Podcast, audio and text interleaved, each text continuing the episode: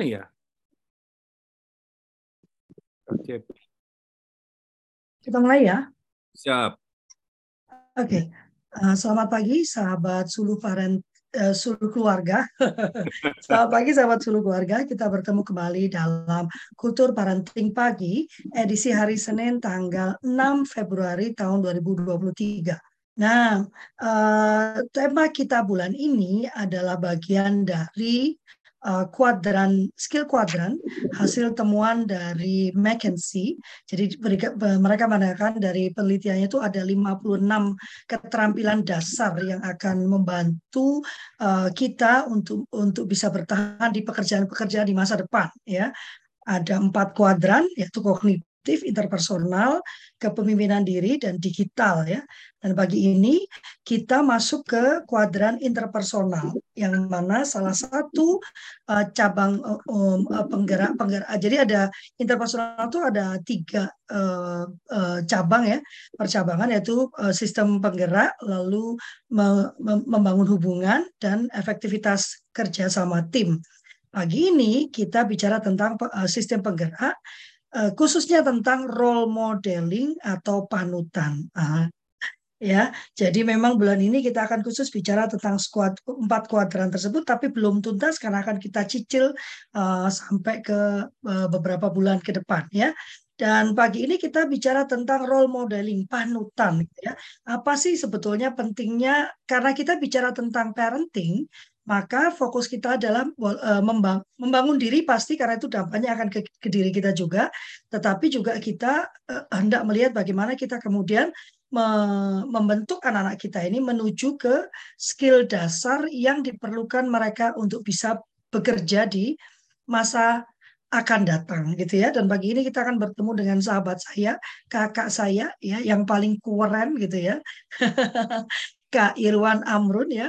Beliau ini jangan ditanya lagi lah ya.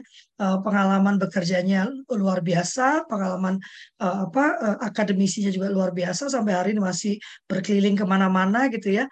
Uh, ini kayaknya jadi contoh nanti kalau saya saya sudah 50 tahun ini Kak Irwan. Jadi bukan makin melamban tapi makin berputar ya.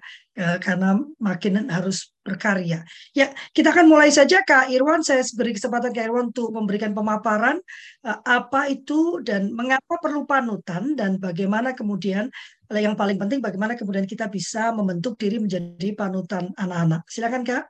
Ya, Terima kasih Kak Gapri. Bismillahirrahmanirrahim. Assalamualaikum warahmatullahi wabarakatuh. Selamat pagi semuanya kakak-kakak. Saya panggil kakak-kakak karena aturan dari Kak Gapri itu kan kayak gitu ya. Uh, ini dingin banget ya, dingin banget. Nggak tahu Bang Peter katanya malah di Lembang tuh. Waduh, di Geger Kalong aja tuh luar biasa dingin. Jadi saya masuk aja udah berapa kali ke kamar mandi tadi. Ini Kak, Kak Gapri ya. Ya, ini ini topik yang menarik topik yang Manet diberikan. Dan eh, Bang Peter terima kasih di sini koreksi saya Bang.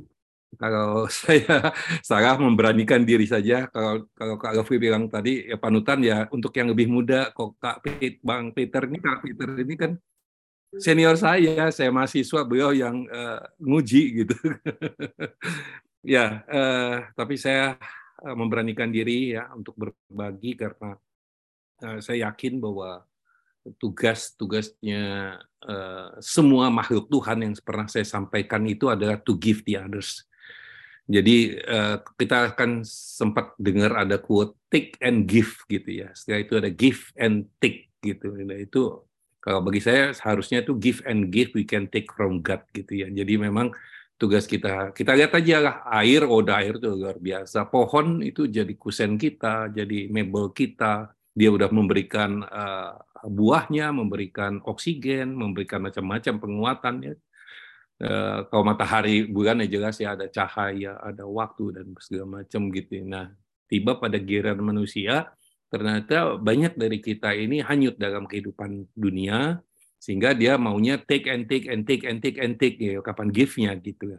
Jadi terima kasih Kak Gapri kita di sini ya gratis ya Kak Gapri ya kita coba berbagi apa yang kita punya bukan kita merasa pintar tidak tetapi ada sesuatu yang mungkin dititipkan dari yang maha kuasa yang mungkin ini kita bisa bagi-bagi itu aja uh, izin saya uh, share uh, screen Oke, mudah-mudahan udah kelihatan ya.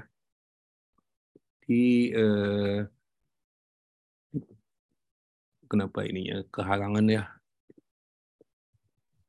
Ya, jelas kok, nggak ada halangan kok yang dari sini. Uh, di, di, di, di screen saya. Oke, okay. uh, ini saya saya buat uh, memang lagi lagi umek ya, jadi ada multitasking. Uh, memang kayaknya ini memang khasnya manusia zaman kini ya nih Kak Gafri ya.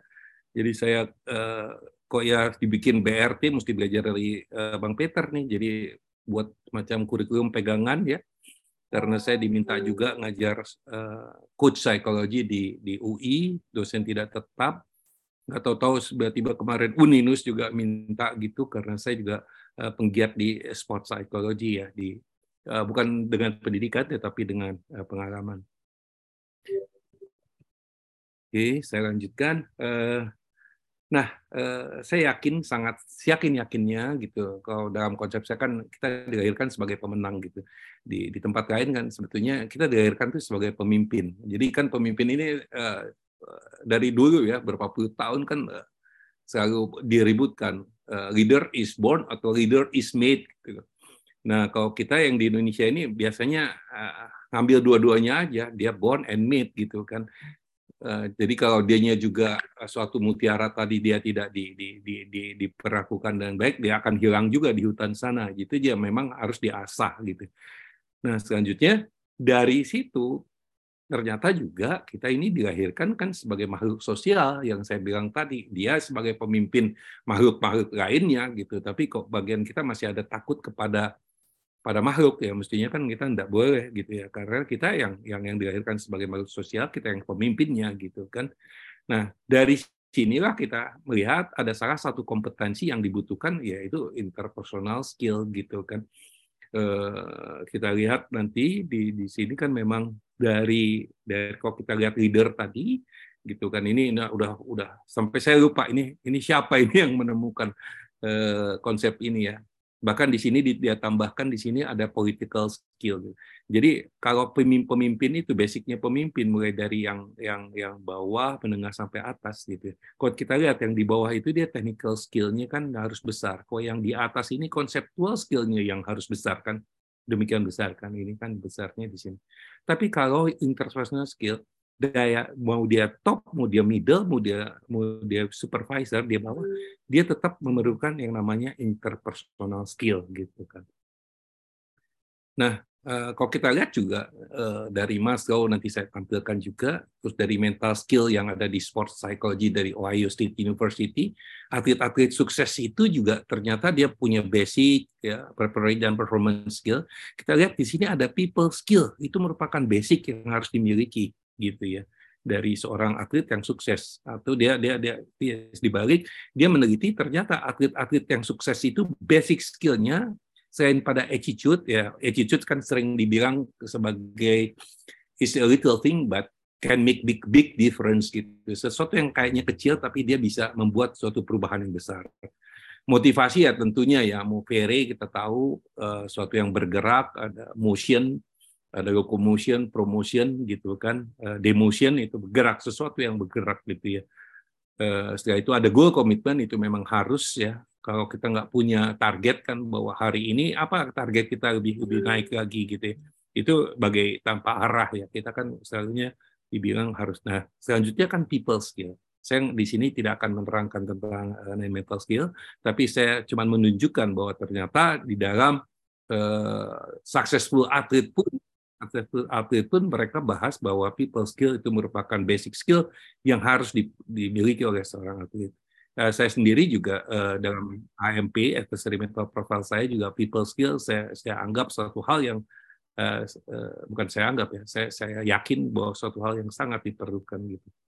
Kalau kita lihat Maslow sendiri pun ya, ya setelah kebutuhan dasarnya dipenuhi, setelah itu kebutuhan uh, rasa amannya dipenuhi, ada social needs ya dia butuh afeksi, dia butuh berkawan, dia butuh uh, belonging ya, sense of belonging. Uh, dia butuh uh, bersama gitu. Ini menjadi dasar kan, menjadi dasar. Kembali lagi saya juga tidak akan menerangkan teori Maslow di sini, tetapi hanya saya menunjukkan bahwa demikian pentinglah uh, interpersonal skill tadi karena itu menjadi kebutuhan. Ini mungkin pernah saya tayangkan dan saya tidak karena ini ada kuncinya kan ada internal skill dan ada panutan gitu.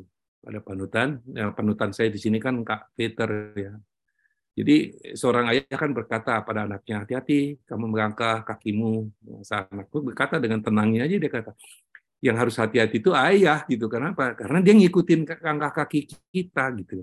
Jadi saya sendiri kalau aku dulu heavy smoker gitu ya. Biasa lah SMP kayaknya gagah-gagah itu tahun 70-an. Kalau nggak ngerokok itu nggak ini. Kalau di Bandung itu terkena adu bako kayak gitu ya.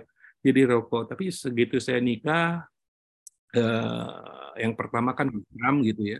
Terus yang kedua begitu anak kedua saya berpikir saya nggak mau ngasih contoh ya anak saya untuk merokok gitu. Jadi ya kok gitu saya harus berhenti ngerokok dan itu susahnya setengah mati tapi alhamdulillah saya bisa gitu karena tadi punya komitmen punya punya punya goal dan saya harus menjadi uh, panutan gitu kan saya harus panutan jadi minimal dari anak saya gitu ya orang-orang terdekat nah ternyata saya juga kemarin belum lama ini ya uh, cukup viral ya cukup viral kita juga bisa belajar dari anak bahkan kalau kita lihat uh, ada filosofi Cina ya, maaf ya, dari kenal potnya ayam aja itu kan bisa keluar telurnya, bisa keluar ya kotorannya. Yang kita mau ambil apa? Apalagi dari seorang anak gitu ya.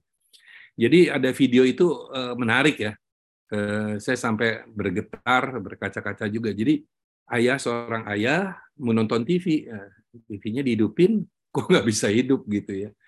Panggil lah tukang di, dia lihat anaknya tenang aja anteng gitu ya, anaknya lagi makan roti Nah setelah itu TV-nya singkat cerita uh, eh, TV-nya itu dibongkar, ternyata di dalam TV itu ada roti gitu. Ya roti anaknya gitu. Akhirnya dia dia dia dia tanyakan, kenapa kamu melakukan itu gitu. Nah ternyata anaknya uh, menonton uh, ada ada ada tentang kelaparan. Saya kira itu di Ethiopia ya. Jadi ada anak kelaparan, uh, anak ini anak gue ya. Dia lihat itu kan anak hitam gitu. Dia nggak lihat itu hitam atau putih gitu. Tapi itu kok kelaparan dia kasihan. Diambil rotinya dia masukin tuh ke dalam TV ya sampai TV-nya rusak kan. Tapi empatinya anak itu luar biasa nah eh, video singkat itu beri makanan anak kelaparan di TV oke saya lanjut nah Eh, saya punya cucu, ini cucu kedua ya dari anak pertama saya. Jadi dari anak bungsu saya, eh, Aski itu dia punya punya anak dua. Jadi dia punya anak terus dia tahunya tahun depannya kan nikah ini tahun ini tahun depannya itu abangnya nomor satu nikah. Terus anak abang ini juga punya anak, eh cewek juga. Terus Aski punya anak lagi, eh cewek juga gitu. Nah, yang eh, ini gitu ya. Jadi saya teringat dokter siapa? Dokter bagus ya. ya dia juga di sesar, tapi perjuangan ibunya luar biasa. Kalau dokter Boyke saya tanya, wah itu harus disesar karena karena sudah hampir kering itu ketuban gitu. Nah, begitu ini anak juga eh, lahir dia eh, kakinya itu kayak ngelipet gitu mungkin uh, mungkin di bertapa dulu apa di dalam nggak ngerti lah gitu ya. Tapi sehingga ibunya udah pulang dia masih harus di di di, di rumah sakit, dia harus di, dijemur di matahari dan prihatin banget gitu. Nah, tapi setelah dia agak dewasa gitu itu orang Sunda itu bilang tuh bedas gitu ya. Wah, hiperaktif banget ya. Wah, luar biasa gitu kan terus uh, nggak nggak akrab nggak uh, susah akrab dengan dengan dengan orang dewasa orang lain lah gitu. Ya kok kecuali sama sepupunya itu wow, ada sepupunya dia kayak dapat energi baru gitu. Nah, tapi kalau kalau di ini dia luar biasa apa uh, kerasnya apanya aktif banget lah gitu kan. Sampai dia uh, disekolahkan lah ada sekolah untuk PAUD itu ya. Nah surprise bagi orang tuanya dan apalagi kakeknya saya saya dipanggil atuk ayah gitu ya apalagi kakeknya. Ternyata dia kepilih duta santun. Sampai si si si ayahnya waduh ini pencitraan nih pencitraan gitu. Terus akhirnya kita tanya kenapa dia dia jadi duta santun? gitu kan. Kenapa dia jadi hebat sekali? Rupanya dia apa kalau dia disapain gitu. Dengan gayanya dia dia tegurin teman-temannya gitu Oh iya, ternyata ya kita harus melihat anak itu juga eh, ada hal potensi apa gitu. Kita sering kali menjudge, oh kok dia belum bisa baca sih, kok dia sih kok orangnya sangat aktif, kok dia sih kita salahin karena karena kelemahannya. Nah, di sini rupanya oh si duta santun. Jadi kalau sekarang saya panggil, eh duta santun, kayak gini. Kalau dia lagi jutek sama orang, eh duta santun, gitu. Jadi labeling positif itu ternyata juga bisa menjadi endorse ya. Nggak tahu nanti koreksi Bang P kalau saya salah gitu. Eh, eh, selanjutnya, nah ini dari Korina ya. Waktu itu saya undang undang eh, di, di seminar nasional yang saya pernah kasai di, di sebelum saya meninggalkan di LPTUI gitu ya Eh, itu tentang kepemimpinan. Sebetulnya kan pemimpin lagi kita bicara karena kita dilahirkan juga untuk itu. Ada katakan ada satu rumusan, kita ini dihadapkan sekarang ini musuh kita bukan siapa, bukan apa. Musuh kita itu adalah apa? Musuh kita ini bukan manusia, musuh kita ini waktu itu kan ada Jokowi dan Prabowo ya, bukan 01 dan 02. Musuh kita bukan kelompok suku agama yang beda, Musuh kita bukan divide et tempera, musuh kita adalah upaya untuk menghancurkan eksistensi Indonesia bineka. Musuh kita itu divide et tempera. Corina, kembali lagi di sini, kembali lagi ada kebutuhan kita itu adalah bagaimana kita membangun tim gitu.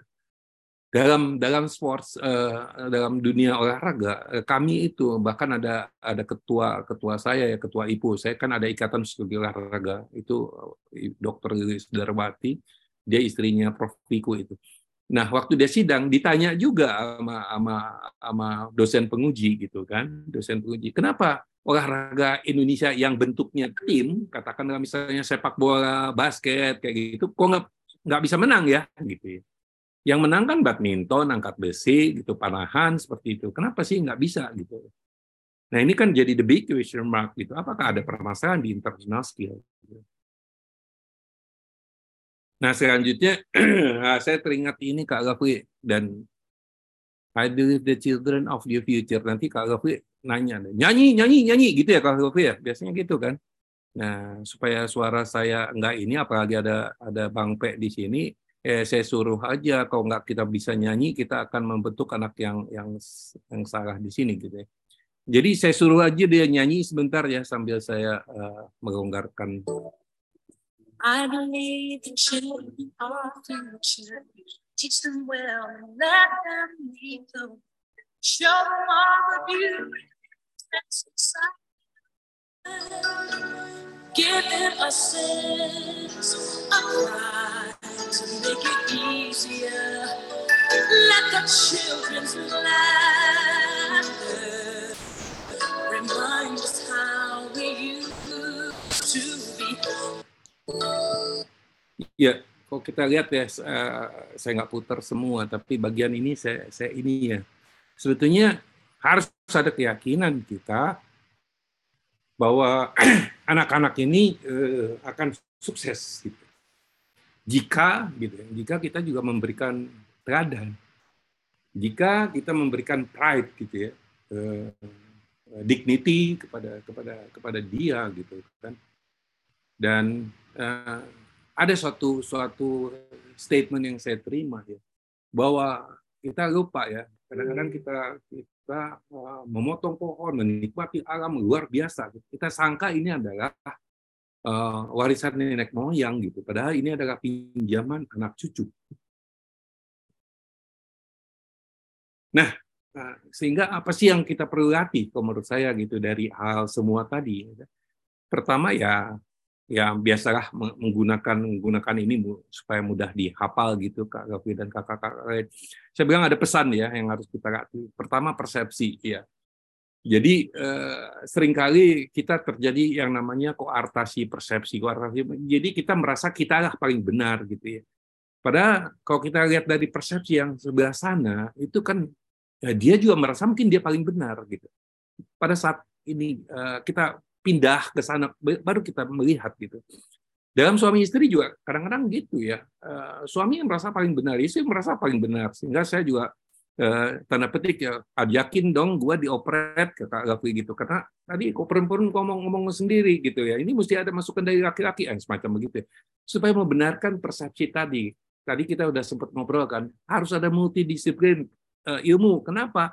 Ya karena ada banyak pandangan saya waktu dapat tugas dari Pak Doni di Satgas COVID, nggak cukup psikologi. Jadi ada dokternya saya panggil situ, ada antropolog saya panggil di situ, ada sosiolog saya panggil di situ gitu Kenapa? Supaya saya mendapatkan persepsi dari yang lain gitu Setelah itu empati ya saya saya pikir ini udah udah menjadi ya. Jadi uh, selalu uh, mengini dengan empati ya. Simak aktif juga dengan empati gitu kan. Beda dengan simak aktif tidak ada empati gitu jadi anak tadi pun juga memberikan makan dengan uh, saudaranya itu dengan empati ya, hal yang tidak kalah penting menurut saya adalah adab gitu adab itu apa ya tata kerama gitu ya sopan santun gitu ya nampaknya banyak di lingkungan kita sekarang yang sudah lupa gitu ya. Oh. Sebentar ini kok lupa nyerekin hampir habis baterainya. Jadi adab ini eh, antrian kayak gitu kan. Luar biasa. Orang itu terpaku. Dia misalnya saya naik mobil gitu. Saya sering waktu itu kita juga pernah bikin seminar tentang lalu lintas, lalu lintas gitu kan. Jadi dia dia makin besar mobilnya makin merasa dia kuasa gitu ya. Apalagi pakai plat nomor tertentu gitu. Wah udah deh. Apalagi pakai pakai apa namanya pakai lampu yang biru menyilaukan itu terus pakai tot tot tot wah dia udah paling kuasa gitu kan. Ini kan semuanya itu tidak ada empati dia tidak ada adab juga dan tidak sesuai norma juga. Menurut saya begitu. Ini ada ada ada ada sesuatu yang dibenarkan jadi ya bisa bisa juga ya kita harus selalu menggaungkan ini supaya tadi ya eh, ada ada ada rasa untuk eh, merasakan perasaan orang lain. Kita nggak usah jauh-jauh lah ke, ke luar negeri ya. Saya pernah ke Malaysia lah kayak gitu, Brunei kayak gitu. Itu luar biasa ya. Eh, masih jauh tuh mobil dari sebelah sana 200 meter. Kenapa nggak masuk? Kata saya ke paman saya waktu itu saya masih mahasiswa dia tunggu gitu dia tunggu. Karena memang dia harus menunggu itu itu di jalan yang lebih besar dari dia gitu. Kayak sekarang mungkin nggak nggak orang nggak tahu ya uh, saya dulu diajar diajari misalnya kalau ada persimpangan jalan yang sama besar ya uh, mana mobil dari itu tidak ada traffic light katakan gitu. Mana yang kita lalui kan mobil yang dari kiri atau mobil yang dari kanan gitu kan itu ada ada normanya ada aturannya gitu. Nah sekarang makin banyak aturan, apalagi aturannya forbidden, oh itu paling enak untuk dilanggar gitu. Kan. Sampai ada bercandanya untuk orang Medan gitu kan. Ya lampu merah itu berhenti gitu kecuali di Medan katanya itu itu ya saya nggak apa-apa karena saya juga asalnya dari sana. Nah ini adalah contoh-contoh yang uh, salah gitu ya contoh kita mencontohkan salah karena mungkin malah dia manut-manut kepada oh itu anjing juga pipisnya di situ gitu Nah, sampai ada kartun yang saya cari tadi nggak ada gitu. Jadi si si si anjing ini diajarin cara pipis karena dia pipis di pohon, di ban mobil kan. Biasanya dia angkat uh, kakinya satu gitu kok. Dia angkat kaki terus dia pipis di situ. Itu sama si orang yang ini diajarin yang punya tuh diajarin dia masuk ke, ke WC gini loh cara pipis gitu kan. Dia, dia pipis di situ. Nah, apa yang dipelajari sama misalnya, oh pipis itu nggak boleh angkat kaki, jadi harus dua kaki. Jadi dia tetap, tetap aja pipisnya di di ban mobil, dia tetap uh, di pohon dengan dengan angkat dua kaki. Nah, ini kan suatu contoh yang uh, persepsi lagi kita bagaimana jangan lihat dari persepsi kita kita yang paling benar, orang tua yang paling benar, tapi lihatnya dari persepsi si anak gitu ya. Nah selanjutnya eh, ini ini ini ini ini hasrat perubahan ya. Saya kira semua juga uh, sudah tahu ya. Ini diterjemahkan dengan dengan seininya saja lah sekenanya saja ya. Jadi intinya di sini kalau kita lihat nih si orang ini gitu ya ini di di ini dia di tempatnya di sini kan ada ada makam di situ ya. Dia bilang kan dia sebetulnya waktu muda ya semangat kan luar biasa ya kalau Bang Peh tadi kan merasa gue sekarang kan sudah gitu ya seakan-akan gitu ya. Petaway gitu ya. Jadi dia berhayal bermimpi ingin merubah dunia gitu. Tapi udah tambah dewasa tambah kearifannya. Ternyata nggak rubah tuh dunia ya dunia gitu-gitu aja. Sehingga dia juga akhirnya mencoba oh kok gitu saya saya rubah uh, siapa? Keluarga saya saja gitu. Eh negara saya saja gitu ya. Maksudnya dengan mengubah uh, negara saja tapi ya nggak bisa juga berubah ya. Kalau kita lihat kan sekarang di warung kopi aja ngomongin negara kok, wah ini nggak benar ini pak ini, wah ini nggak benar ini negara. Emang kalau dia yang jadi bisa benar gitu ya. Terus kalau gitu tambah tua lagi, tambah arif lagi, oh kalau gitu saya coba merubah uh, keluarga saya aja lah. Saya kan laki-laki, masa saya nggak bisa merubah istri saya, anak saya gitu. Nah, celakanya mereka juga tidak mau berubah. Ya. Dan kini semakin eh, sementara aku berbaring aja menjelang tiba-tiba aku sadari andai waktu pertama itu ku ubah adalah diriku, maka dengan menjadikan diriku sebagai panutan. Nah, topik kita ini mungkin aku bisa mengubah keluargaku, lalu berkat inspirasi dan dorongan mereka, bisa jadi aku pun uh, mampu memperbaiki negeriku. Kemudian siapa tahu aku pun bisa merubah dunia. Nah, kalau Agim kan sering ngomong gitu ya, uh, dia bilang dari yang kecil-kecil aja dari diri sendiri, ya dari hari ini gitu kan. Selalu ngomongnya tuh uh, uh, dari diri sendiri. Saya teringat juga ada seorang filosof namanya kalau nggak salah itu Aldous Huxley, Huxley gitu ya. Tolong terjemahkan Kak Lofi, dia bilang there's only one corners of the universe you can you can be certain improve that your own self gitu. Jadi yang kita bisa certain dari semesta alam ini yang certain itu juga nggak pasti ya baru certain that your own self itu aja susah. Ya tanya aja sama teman-teman atau saudara kita yang masih ngerokok, coba kamu bisa nggak berhenti ngerokok? Susah, gitu. susah. Jadi coba harus bisa dulu gitu, berubah dari diri sendiri dan jadikan diri kita panutan. Saya kira itu Kak Gafi lebih enak kalau kita uh, berdiskusi. Terima kasih uh, dan waktu saya kembalikan. Keren ya. Jadi memang uh, saya paling suka tuh kalau sama Kak Irwan sama Teh Yanti itu pasti keluar akronim ya. Ini saya nggak tahu nih pagi ini Kak Irwan kayaknya uh, gula darah saya drop ya. Jadinya saya merasa lemas dan berdebar-debar apa bibirku itu gemetaran itu loh. Oh. Uh, apakah ada yang mau uh, memberikan pendapat terkait panutan ini ya? Tadi disampaikan oleh Kak Irwan ya mengapa uh, apa kita perlu menjadi panutan uh, apa uh, bagaimana anak-anak itu bisa melihat kita memang benar ya kalau kita menyadari bahwa anak itu sebetulnya sedang mengcopy semua kegiatan dan tindakan kita maka kita kemudian akan berusaha untuk melakukan yang terbaik jadi salah satu hal yang paling menyenangkan buat saya dalam menjadi orang tua itu adalah sebetulnya karena saya menjadi pribadi yang lebih baik dari hari ke hari karena saya ingin anak saya meniru sesuatu yang baik kan gitu. Kalau dulu ibu saya gini, ibu saya itu perokok berat kak. Jadi uh, almarhumah ya. Terus dia kalau apa uh, kalau bilang kamu nggak boleh ngerokok gitu.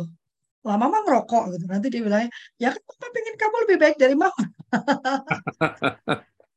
Jangan niru mama, udah tahu mama salah malah ditiru gitu. Nah, ini yang perlu kita diskusikan ya. Apakah pola-pola ini yang perlu kita kita apa kita kita ikuti? Uh, sama juga dengan kamu tuh ya males banget gak mau uh, sholat gitu kan. Sementara kita sendiri telat-telat sholat sholatnya ya kayak gitu gitulah ya. Yang yang tadi seperti kak kak Irwan contohkan kan.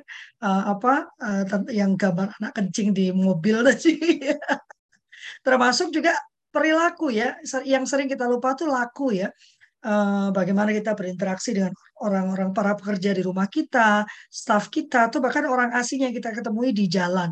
Dan itu sebenarnya uh, hal-hal yang di bawah sadar kita mungkin ya, dan itu yang diserap oleh anak dan itu yang kemudian di uh, di copy, ditiru oleh anak-anak kita. Apakah ada yang mau menyampaikan pendapatnya atau bertanya? Kak Eros, Kak Sumiati, Kak Dias, Kak Feni, Kak Feli, Pak Peter, Kak Cepi, Kak Dani, Kak STT. STT ini siapa ya? Ayo. Uh, ini ya, Kak Canita ya? Kak Hapit, uh, Kak Ernawati. Oh, ada Kak Ernawati, Kak Nisrina. Iya, Kak, Kak Sumiati silakan. Oke, Assalamualaikum warahmatullahi wabarakatuh. Waalaikumsalam. Ada yang saya mau tanyakan gini, Pak. Uh, kebetulan di rumah saya kan cucu orang tuanya tinggal di bukan di daerah kami. Jadi gini loh Pak, dari cucu itu umurnya sekarang eh, tujuh tahun Pak, masih kelas 1 SD. Sering dia labil Pak, kalau umpamanya dia gak sesuai dengan hati dia, dia ngamuk, nanti ini dibuang, itu dibuang. Jadi kalau kita marahin rasanya kasihan karena dia jauh dari orang tua. Jadi gimana kok Pak solusinya? Terima kasih uh, orang tuanya di mana rupanya, Pak Rumi? Uh, orang tuanya tinggalnya di Kandis, kami tinggalkan di Salo. Uh, orang tuanya ini di sana dia uh, guru, guru Pak. Jadi uh, anak ini tinggalnya sama kami, Pak. Iya, iya. Terima kasih, terima kasih. Ini uh, ada ada Pak Peter nih. ini ini bisa-bisa jadi pelajaran satu semester juga Kak Gafri ya. Jadi sebetulnya ya, kan dulu ada dulu ada Kak ada Pak Su siapa? Siapa namanya itu ya dari BKP BKPBN BK, BKKBN. BKKBN. Siapa sih namanya? Nah, lupa. lupa ya aku. Dia kan bicara tentang grandparenting ya. Oh, ya ya ya. Sudibyo, Pak Sudibyo. Sudibyo, ya, yang makan durian ya. terus kita ya. Iya, iya, ceritanya. Jadi, Silakan. Jadi, jadi kalau kalau uh, kita yang pertama menurut saya ya kita kita harus PK ya, harus PK terhadap uh, skenario yang maha besar gitu saya sendiri kan diajarin Bang Peter itu bikin uh, pelatihan-pelatihan itu kan rekayasa manusia untuk merubah suatu perilaku. Tapi sebetulnya kan ada rekayasa yang maha besar itu dari yang maha kuasa gitu ya. Nah hanya kita bertanya gitu. Yang pertama kita bertanya benarkah ini menjadi tugas dan tanggung jawab saya sebagai nenek gitu kan, sebagai oma, sebagai eyang gitu kan. Nah, karena kan sebetulnya orang itu berumah tangga gitu ya, mempunyai suatu konsekuensi tertentu gitu. Ya. Tapi kadang-kadang kan keputusan itu kan ada pada yang bersangkutan ya. Saya juga termasuk nekat gitu ya waktu itu masih masih mocok-mocok terus nikah gitu ya daripada buat dosa kan nikah gitu kan. Nah, tapi masih ada ketergantungan. Dan saya pernah jadi uh, jujur saya pernah jadi permurin juga Kak Gafri jadi pemurin itu uh, perumahan mertua indah gitu. Ya. tapi uh, ibu ibu mertua saya seorang guru, bapak mertua saya itu seorang social worker gitu. Jadi Bang Peter mungkin kenal. Jadi ada ada Bu Marto itu bareng sama sekolahnya sama uh, bapak mertua di Belandaannya. Bapak mertua ini dari pegawai ke Depsos. Uh, kalau kalau Bu Marto itu mantan suaminya mantan kadis spesial, sesepuh di spesial itu dari kayaknya dari SMA. Nah, yang ingin saya katakan uh, uh, di sini adalah harusnya harusnya banyak uh, influence pengaruh itu dari orang tua. Istri saya itu sangat senang banget kedatangan cucu, tapi saya selalu ngerem dia kalau dia tanpa tanpa banyak. Biarlah orang tua yang memberikan warnanya. Karena organisasi, kalau itu kan kita nih dalam organisasi-organisasi, organisasi yang itu adalah organisasi miliknya gitu ya. Jadi sebetulnya tugas dan tanggung jawab kita sebagai kakek nenek ya grandpa itu eh, itu bukan di situ bukan di situ. Jadi kita eh, kalaupun mau ada sesuatu ada apa gitu ya, liwati itu, liwati apa namanya pada orang tua. Jadi kita harus menjadikan orang tua itu menjadi significant person bagi anak-anaknya gitu kan. Dan bagi panutan dari anak-anaknya. Jangan sampai juga, nah kan ada ojo dibanding ke gitu ya. Jangan sampai juga anak-anak malah suka sama kakek neneknya. Wah enak kalau sama kakek sama eyang semuanya uh, aman-aman saja, semuanya dibolehkan sehingga dia saya enak-enaknya akan tergantung kepada kakek nenek. Nah ini menurut saya uh, suatu yang tidak tepat ya. Jadi yang harus menjadi panutannya orang terdekat dia yang bertanggung jawab ya dalam tanda petik yang buat dia dong yang yang yang uh, apanya uh, uh, yang mengandung mengandung dia gitu selama 9 bulan 10 hari itu gitu ya. Ayahnya dia dong gitu ya. Tapi kan ada skenario kembali saya bilang kan ada skenario skenario dari yang maha kuasa ya. Kadang-kadang kadang-kadang uh, hilang satu ya hilang satu karena meninggal karena apa. Nah ini apa pasti ada sesuatu hikmah. Jadilah menurut saya kita memang harus pandai membaca tanda-tanda gitu. Ini karena Tuhan itu akan memberi adversary, memberi tantangan, memberi uh, cobaan kepada kita sesuai dengan sesuai dengan kapasitas kita. Nggak mungkin berlebih. Kecuali kita banyak dosa ya, itu lain lagi. Itu untuk ampunin dosa kita ya. Kita akan di, di, diguncang segala macam. Tapi kalau is not normal ya, gitu ya, kita akan akan diuji sesuai dengan dengan batas kemampuan kita. Nah, jadi di sini ibu dengan anaknya silakan uh, kontemplasi bahasa ininya, muhasabah dalam bahasa spiritualnya, sebetulnya apa yang harus kita lakukan dengan problem ini gitu loh. Ya kan, jadi kita saya nggak masuk ke teknisnya ya, saya nggak masuk ke, ke harus gimana ibu, ya, nggak, tapi saya masuk kepada uh, frame-nya, framework, cara berpikirnya, gitu ya, cara pikirnya, ayo gitu ya, mana yang terbaik, kenapa?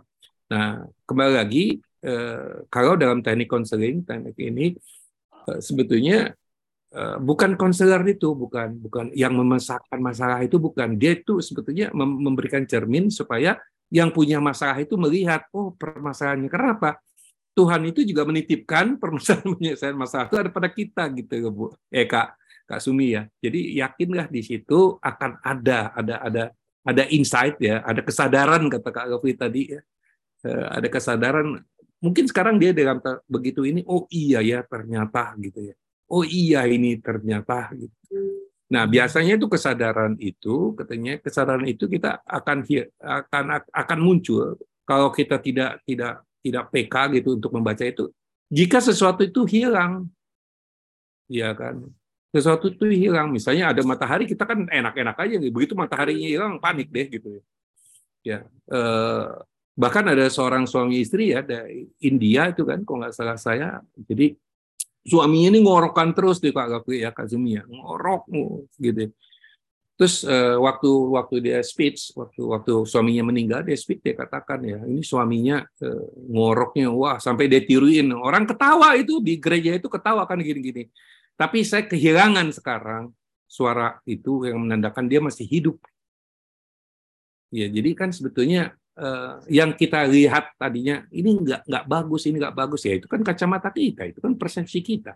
Jadi kita sekarang mesti multidisiplin kalau pakai ilmiahnya. Kalau kalau kita mau pakai ilmu yang paling tinggi ya tentunya ilmu dari uh, sana gitu ya. Kita coba renungkan apa sih pesan apa yang sampai kepada saya. Pesan lagi ya, pesan, pesan dan pesan. Gitu uh, jawaban saya Kak uh, Kak Sumi, Kak Rafli mungkin kayaknya kalau lihat dari mimiknya akan menambahkan gitu.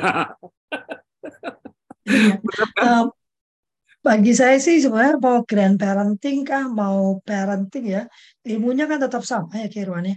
Uh, terjadi masalah pada saat dua parent ini tidak bersepakat ya. Jadi saya rasa yang perlu dilakukan uh, ibu yang yang dialami uh, cucu ibu itu sebetulnya wajar ya. Semua anak tujuh tahun tuh rata-rata melakukan itu ya. Karena uh, kalau dari neuroparenting itu kan dia dia memang sedang mengembangkan apa frontal cortexnya. Jadi dia eh, yang sudah muncul kan kalau dalam manusia itu kan eh, nah, untung nggak ada pak ini ya. Tapi yang saya pahami yang sudah matang itu kan amigdala ya. Jadi emosi itu sudah matang gitu. Jadi yang diketahui anak ya ledakan emosi. Itu sebabnya ada ilmu-ilmu seperti punyanya kak eh, siapa nama itu? Ah siapa namanya yang di Bali itu? Oh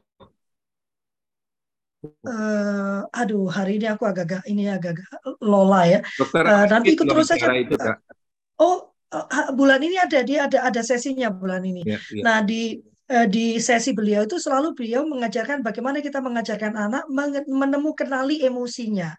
Eh, menemukan kembali emosinya lalu bagaimana dia kemudian mencari tahu kenapa emosi itu muncul sehingga dia dia bisa belajar mengantisipasi.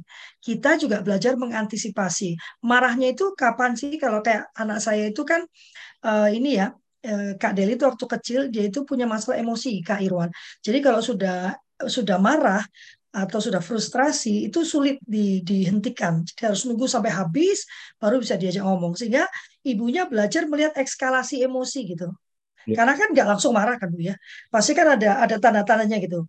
Jadi yang saya pelajari tanda-tanda emosinya dan saya melakukan intervensi itu waktu sedang terjadi ekskalasi. Langsung di-cut gitu. Intervensi maksudnya saya ajak ngobrol main yang lain, saya alihkan perhatiannya kayak gitu tuh ya.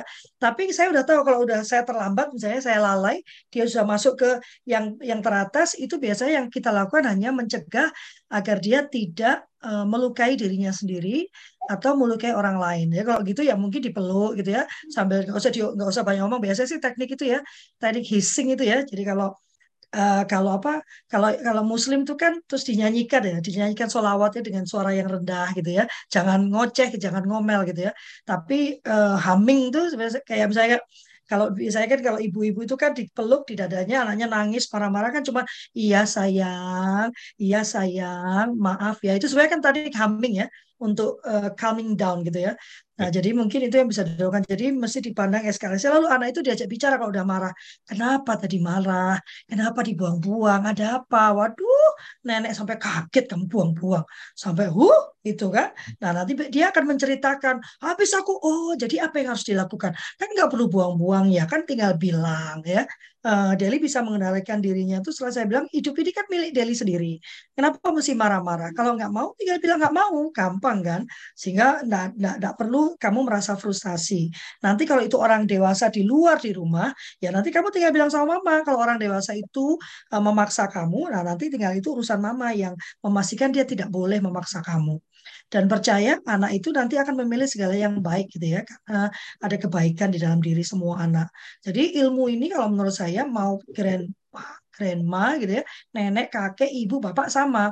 Tinggal nanti kalau uh, share uh, pengasuhannya uh, sharing atau bersama-sama mengasuh anak perlu bersepakat gitu. Anak ini mau dibentuk menjadi pribadi yang seperti apa itu supaya enggak kalau dulu saya bingung kak Irwan. Saya dibesarkan oleh nenek saya uh, kalau liburan saya bareng sama ibu saya. Jadi mereka berdua tuh punya cara yang sangat berbeda. Nah, uh, sehingga waktu kecil saya itu sering marah-marah gitu. Eh, ini ada teman lama saya loh. Eh, Mbak Ninil, apa kabar? Ini jagoan ini apa uh, kebencanaan ini. Hmm. Hai. Baik, Kak Lovely, monggo saya mendengarkan aja.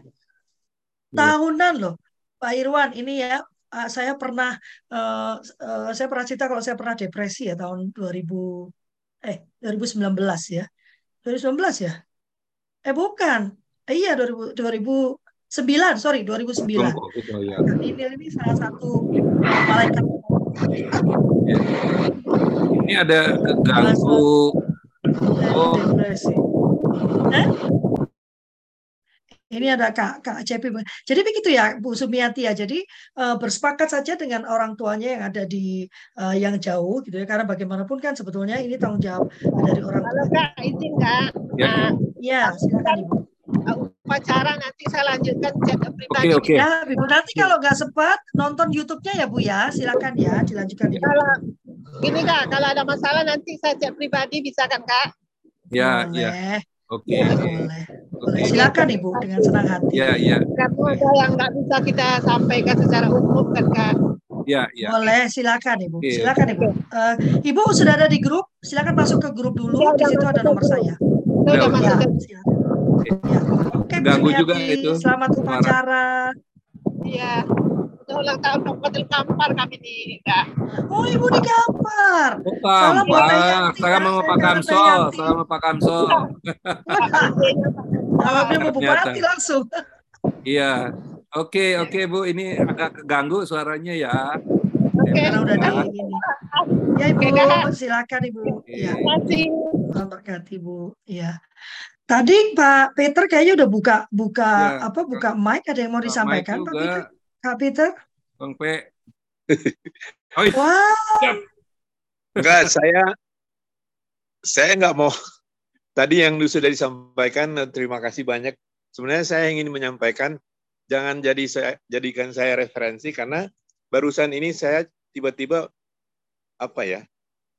Saya sadar bahwa saya sedang belajar kembali, merecall segala sesuatu yang ada di kepala dulu. Jadi mohon maaf, saya hanya ikut-ikutan dengar aja. Ya, oke. Ya. Ini ya, Bang siap, ini panutan saya, Kak. Walaupun Tuh. pengalamannya itu berharga sekali, ya. Pak Peter, karena sudah lengkap kan. kan Pasti kan, sudah jadi grandpa, ya kan? Kan low profile, high profit.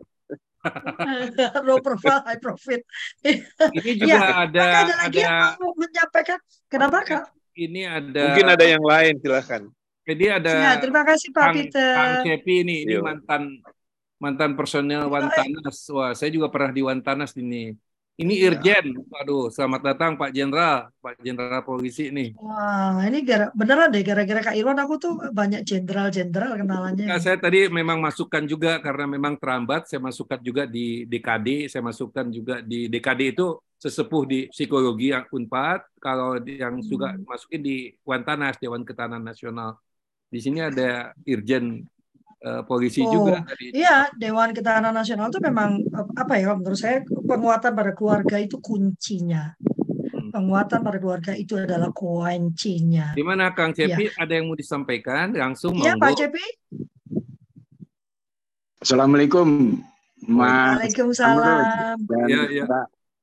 Mohon maaf saya nggak memperkenalkan diri tadi. Eh, saya baca di WA grup Wantana saya, saya tertarik untuk ngajarin cucu-cucu nanti. Wah. Sudah ada berapa cucunya, Pak? Alhamdulillah sudah ada tujuh, Mbak. Woi. Wah,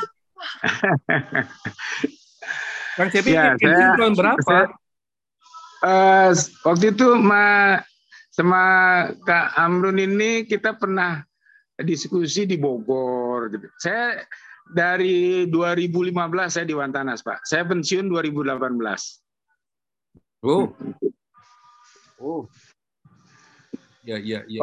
Waktu itu saya undang eh, Kak Amrun ini, saya deputi Polstra Pak, waktu Postra, itu. Postra. Ini orang Ya. intelijen, intelijen sih.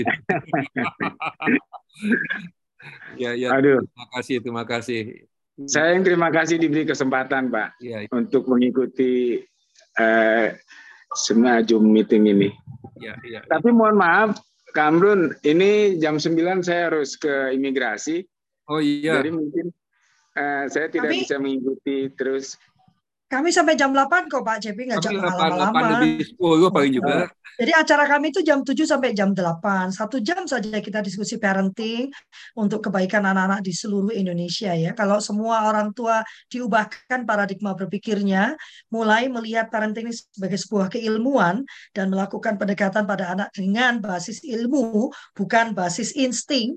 Ah, kami berharap perlindungan pada anak itu bisa terwujud sempurna gitu ya, bukan cuma jargon. Karena Sekaligus, sekarang kan sekaligus jargon. juga ah, ininya juga eh, Kak Gafri. Jadi sekaligus juga silaturahim. Jadi kan di ya. sini eh, Kang Cepi di sini ada Kak Lia. Kak Lia ini di SMUTN. Jadi Oh, Bu Lia. Bu Lia Oh ini kan iya. suaminya ini Iya. kan eh, apa namanya Alfa Juri ya 75 kepala sekolah SMUTN. Terima kasih eh, Bu Lia. Oh, Bu. Lia ini rajin banget. Ada anak buahnya kok nggak pernah muncul lagi ya Bu Lia? Siapa Ya, namanya? Ada Mbak siapa itu? Kak siapa? Kak Dani sudah buka cam dan eh, ini ada yang mau disampaikan? Kak Dani soalnya gini modelnya. Kalau dia buka kamera dia mau ngomong. Bukan lah. Ya, eh, Hmm. terima kasih Kang. Udah udah sharing. Eh, saya sangat setuju lah. Memang eh, ya sebagai orang tua harus jadi panutan. Sebenarnya bukan dalam hal orang tua aja sih, karena di budaya di mana pun juga eh, kebanyakan kita itu mencontoh ya, gitu. Mencontoh ya terutama orang-orang yang dekat sama kita, orang tua gitu. Jadi benar lingkungan itu sangat sangat menentukan lah. Nah, jadi eh, kalau saya tuh eh, sebagai orang yang udah sebenarnya bukan orang tua aja sih gitu karena di tempat kerja pun semua semua jadi jadi satu contohan. Tapi terutama untuk anak-anak anak-anak anak kan memang menyerap ya. Dia akan menyerap semua apa yang dia lihat yang dia rasakan dia akan menyerap gitu. Dan dia akan hanya ya lakuin aja seperti apa yang dia lihat gitu. Jadi saya sangat setuju eh, kita sebagai orang tua eh, harus jadi contohan untuk anak-anak kita. Kalau kita mau eh, anak-anak kita jadi anak yang luar biasa, ya kita harus yang jadi contohan gitu. Itu aja sih. Makasih Kang Iwan. Sama-sama.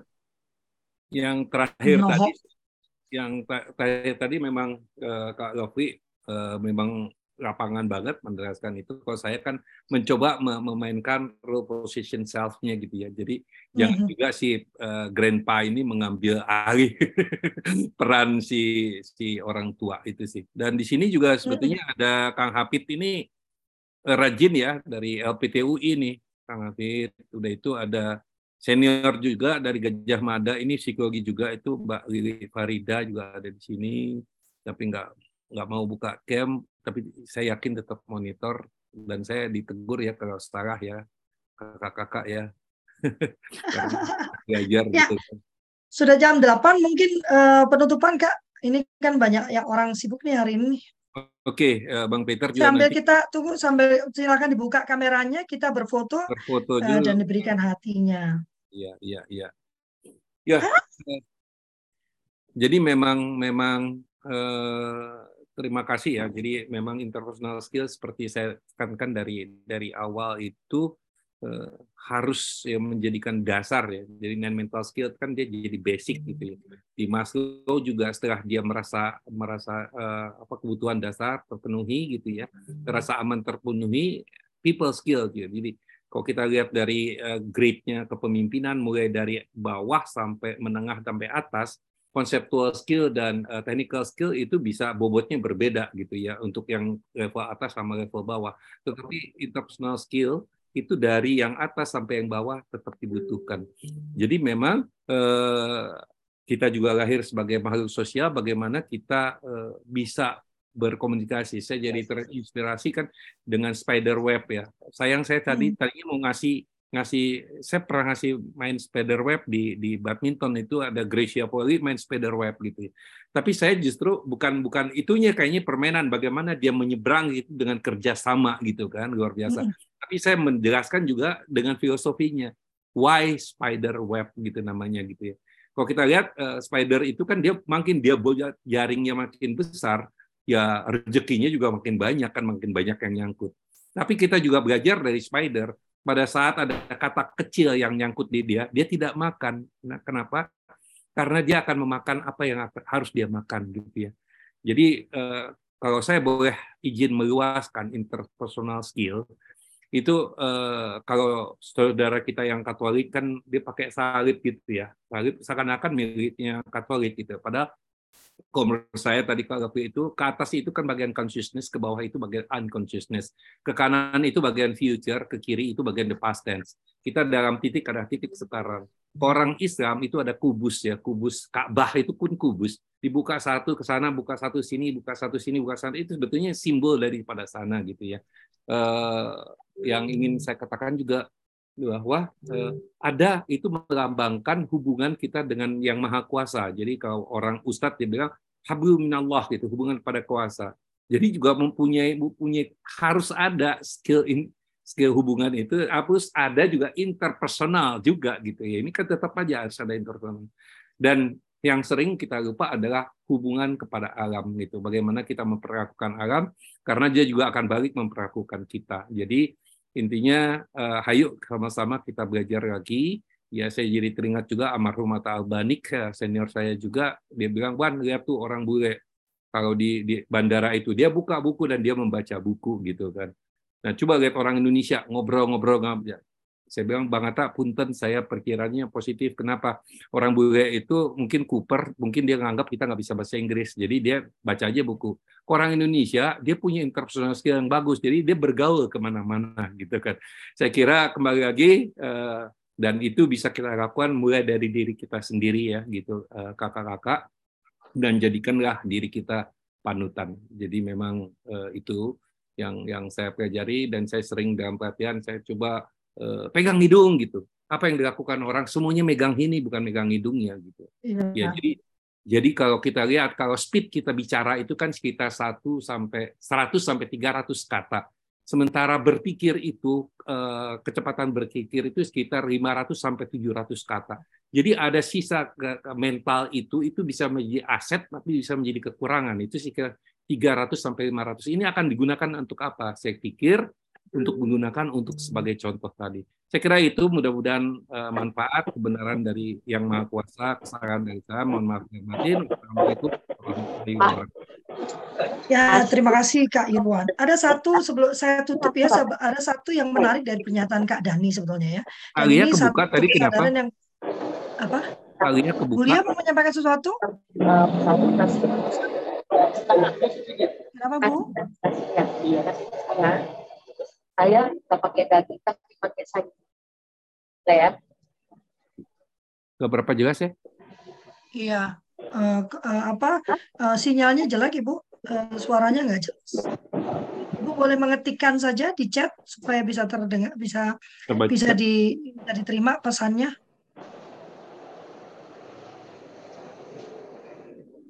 Iya, iya. Lagi di luar juga. Mungkin juga susah ya. Mas, mas.